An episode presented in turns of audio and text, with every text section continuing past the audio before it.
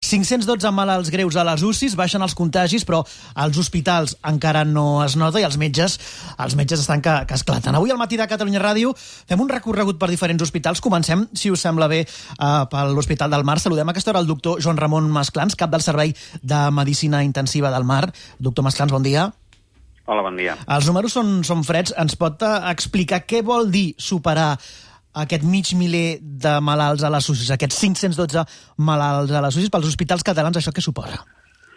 Doncs suposa tensionar i apropar-nos una mica al que va ser el, la situació de la primera onada. De fet, nosaltres, a nivell de crítics, només Covid estem al 170% d'ocupació. Això vol dir que tenim pacients crítics Covid eh, a la UCI, a semicrítics, a la reanimació postquirúrgica, Uh, hem transformat ja mig hospital com a Covid, uh, hem suspès intervencions quirúrgiques, exploracions complementàries i consultes externes i fem previsions de, de seguir creixent en ocupació. 170% de, de malalts Covid? Nosaltres tenim una UCI amb una capacitat entre crítics mèdics i coronaris de 18 llits uh -huh. i actualment de crítics Covid en tenim 31. Per tant, aquests 31 s'han de repartir per on podem, més tots els malalts eh, amb problemes greus de cor i la resta de patologia crítica no Covid, més els posoperats eh, greus. Uh, per tant, crec que els números poden ser freds, mm -hmm. però darrere cada número hi ha persones, hi ha vides vida, sí, sí. I, i algun pacient que no se'n surt. Exacte. Els contagis sí que comencen a caure. Vostè això no ho nota encara, oi, a l'hospital?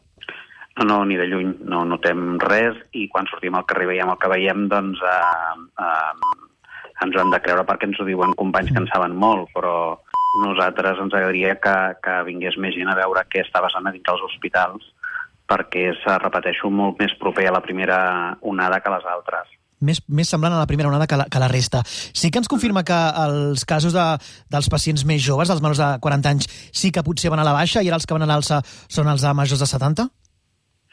Nosaltres tenim al voltant d'un 40% de pacients de menys de 50 anys. N'hem ingressat, per exemple, aquesta nit hem ingressat un pacient de 35 anys, un de 55 anys. Uh, sempre hem tingut una proporció uh, mixta, és a dir, veiem pacients joves i veiem pacients també de més de 50 anys uh, o que han estat vacunats de forma incompleta o que no s'han pogut vacunar per algun problema o perquè doncs, tenen alguna malaltia que fa que responguin menys a les defenses.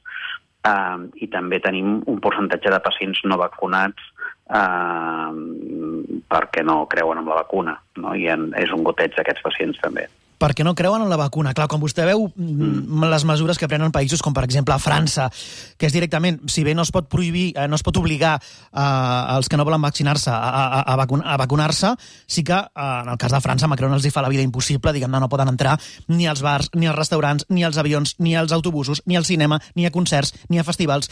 Eh, diu el doctor Gimón, el conseller Gimón, que de moment, de moment per ara no veu aquesta mesura aquí, però vostè quan es troba amb pacients crítics, joves, que no creuen en la vacunació, vacunació, creu que seria una bona mesura eh, anar més enllà i, i això fer la vida impossible als no vacunats? Eh, bé, jo crec que no és, fer la, no, no és que vulguem fer la vida impossible a ningú, sinó que ens hem de protegir els que eh, hem d'anar alineats amb l'evidència. I l'única solució a superar la pandèmia són les vacunes. Um, I ens hem de vacunar moltíssima gent. No val això de jo no hi crec, o, bueno, com que es vacunaran la majoria, doncs jo ja entraré en el sac i no, no, no, jo, jo crec que aquest és el joc que no podem caure. Mm. Per tant, no és anar contra ningú, sinó és defensar a tots aquells que, que estem uh, per la vida, no? I no té sentit dir si sí, existeix la malaltia, però jo no em crec el que existeix evidència robusta. Ha evidència no només amb la Covid, sinó que les vacunes han salvat moltes vides amb la polio, amb el xarrampió, amb moltes malalties, no? Per tant, eh, bé, tenir d'atendre pacients eh, que estan molt greus, que s'estan ofegant, i que et segueixen dient que, que ells segueixen sense creure la vacuna és dur, però entra part de, de la nostra feina. Sí, com, com està el, el, és dur. el personal mèdic eh, de l'Hospital del Mar? Uh, tot el personal sanitari està molt malament. Uh, els que estan de vacances patint per uh, quan s'incorporin i els que encara estem uh, esperant poder descansar, doncs, uh, uh, intentant fer el que podem perquè evidentment hi ha molts pacients i el que sí intentem és no repassar la, la línia vermella perquè o, o descansem nosaltres o realment patarà tot el sistema i per tant és molt dur, però, però bueno, eh, ja venim de, de quatre onades que sembla que no m'ha pres gaire i estem a la cinquena i, i veurem. Joan Ramon Masclans, doctor, cap del Servei de Medicina Intensiva de l'Hospital del Mar. Gràcies per aquest apunt. Bon dia. Gràcies a vosaltres, bon dia. Clar, 170% de la seva capacitat a les UCIs de l'Hospital del Mar.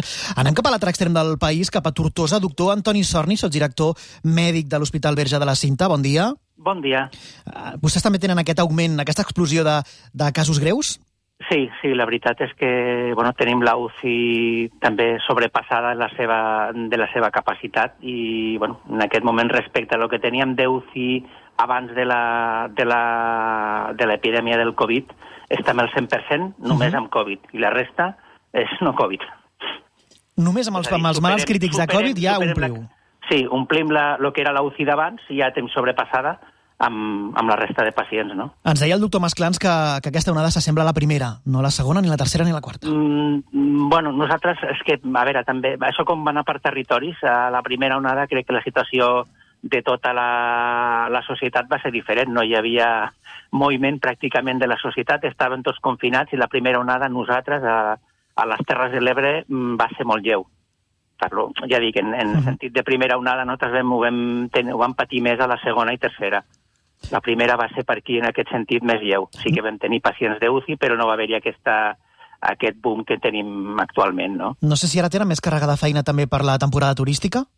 No, bueno, sí que arriben pacients, però vaja, la veritat és que la temporada turística en aquí es nota en el percentatge, però és una temporada turística que, bueno, la, el, el gruix de pacients són, són els que hi ha aquí sempre, no? També es troba amb negacionistes a la UCI? Sí, sí, sí, a la UCI fora de la UCI. Vull dir, el que ens sorprèn és, eh, bueno, com ha dit abans el doctor Masclans, Uh, jo crec que sí que hem après en, en, en, en quant al sistema sanitari, però qui, los que no hem après és, és, no hem après com a societat, no? Com a societat no prenem nota, ens hem cansat, mm, ja dic, això és, entre cometes és com una guerra, i aquí hem guanyat batalletes, però mm. la guerra pues, continua. I, I hi ha un desànim global de tota la societat, em sembla a mi, i al final pues, tothom tira pel, tira pel dret i fa, mm, fa una solució individual que és, jo visc i, i ja veurem què passarà. Però vostè aniria més enllà eh, prenent mesures contra els antivacunes? Mm, jo crec que no es poden prendre mesures contra la llibertat individual. L'únic és intentar conscienciar i el que és molt complicat, jo més, més que contra els antivacunes és contra la difusió aquesta de les, de les notícies falses o de la, de la, eh, això és el que, lo que ens, ens, ens rebenta a tots, perquè és molt més fàcil, a veure, és molt més fàcil destruir que construir. Mm ens estem dedicant des de fa un any i mig tots a construir, a intentar fer, a intentar fer una, una conscienciació de tota la societat i arriba alguns, ja dic, és que cas, pràcticament podria dir desalmats o il·luminats i, i ens tiren per terra tota la feina, no? Hi ha un percentatge de la gent que, clar, és que qualsevol notícia negativa, en aquest cas, o un efecte indesitjable de la vacuna, mm, o, o m'han dit bueno, ja sabem que és més, molt, molt més fàcil desprestigiar, sí, sí. que i el, el prestigi es construeix dia a dia i el desprestigi amb una sola situació pues, ja te la desmunta, no? Mm. És, és complicat. Doctor Antoni Sonni, bona feina. Soc director mèdic de l'Hospital Verge de la Cinta de Tortosa. Gràcies per atendre el matí de Catalunya Ràdio. Bon dia. Moltes gràcies a vosaltres i gràcies per fer aquesta difusió d'aquesta situació i a veure si conscienciem, ens conscienciem tots, no? Això esperem, la, la lluita no pot ser individual, ha de ser col·lectiva. Uh mhm. -huh. I aquí tots som membres d'una societat, tots vivim en societat, no vivim aïllats. Gràcies a vostès per la feina. Gràcies. Bon dia. Adéu. Prenem la temperatura també a, a Girona ara. Doctor Josep Maria Sirvent, cap de servei de l'UCI de l'Hospital Toreta de Girona. Comprovem com estan. Bon dia. Hola, bon dia. Què estan veient vostès a, a les UCIs? Eh, exactament el mateix. És a dir, estem amb una ocupació de 150%. 150%? Covid, sí eh, semblant o eh, semblant al que comentava el doctor del Mar, Masclans. Sí. És a dir, que de 18 pacients que habitualment tenim, doncs en tenim ara en aquest moment, tenim 26 Covid crítics. És a dir, que només cal fer una, una regla de 3 i es veu. Uh -huh. eh, són pacients amb una edat que és menor de, de l'última onada, que són de 55 anys de mitjana, i, i aquí estem, és dir, lluitant una altra vegada, per cinquè cop. Uh -huh.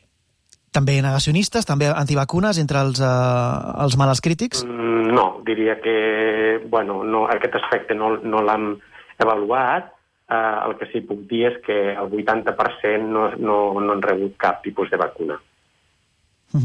El... Estan caient els contagis, segons les dades de salut. Uh, aquesta caiguda dels contagis dels darrers dies s'està notant ja a l'hospital, no a les UCIs, imagino, perquè és més lent, sinó a nivell d'ingressos hospitalaris. En tenen menys aquests dies?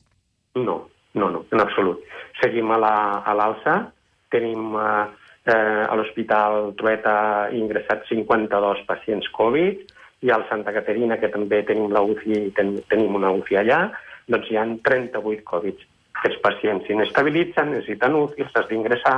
És dir, que estem de puixada, clarament de puixada, i no ens esperàvem que això passaria ara, a finals de juliol, començament de l'agost, en què la gent ha de fer vacances eh, obligatòriament, perquè la gent ha de descansar, i, i, i bueno, no ens esperàvem aquesta avalanxa de pacients crítics. Quan preveu el pic? Covid. Sí? Quan preveu el pic, uh, el pic d'aquesta onada pues a d'hospitalització? El pic a nivell, a nivell de, de salut pública diuen que serà aquest final de, mm. de setmana, jo penso que serà a mitjans de la que ve. Mm, és dir, que ens haurem d'esperar encara amb un gran eh, afluxe de pacients eh, crítics Covid. Mm -hmm. Doctor Josep Maria Sirvent, cap del Servei d'UCI de l'Hospital Toreta de Girona, gràcies per explicar-nos com està la situació eh, al seu hospital. Bon dia. Molt bé, bon dia. I acabem aquest recorregut per diferents hospitals del país a Manresa, l'Hospital Sant Joan de Déu de Manresa, la Mútua Manresana.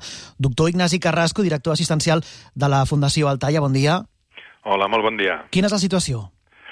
Bé, nosaltres no estem tan malament com els companys del Mar o de Girona o de, o de Tortosa. Nosaltres eh, sempre ens ha passat les diferents onades, tret de la primera, que teníem la noia al costat i això va tenir molt d'impacte. Sempre hem anat una miqueta per darrere de doncs, l'àrea de Barcelona eh? i per tant doncs, nosaltres estem evidentment en, en aquests moments tenim 8 pacients eh, crítics Covid a la nostra UCI eh, fa 3 setmanes en teníem un no? i ara en tenim 8 i per tant doncs, eh, bueno, eh, tenim, no tenim tant d'impacte però sí que evidentment doncs, és un impacte important perquè la resta de patologies doncs, segueixen venint i les necessitats dels ciutadans doncs, segueixen existint i en l'atenció al pacient crític doncs, no hi ha vacances per entendre'ns. Mhm. -huh.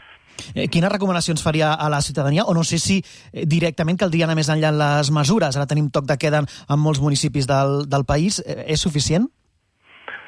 Miri, escolti, eh, és molt complicat això, perquè eh, jo crec que el que s'ha demostrat eh, és que la mascareta, la distància, evitar aglomeracions, eh, i ser molt prudent a l'hora d'ajuntar, diguem-ne, unitats de convivència, és una mesura que funciona i, per tant, jo recomanaria que en la mida del possible tothom fes això, no? Eh, els aspectes ja més de d'instruccions legals eh, se m'escapen, no? però en tot cas jo crec que portem 18 mesos entenent això, eh? que la mascareta, la distància i intentar ser prudents a l'hora de les relacions socials doncs és el que funciona.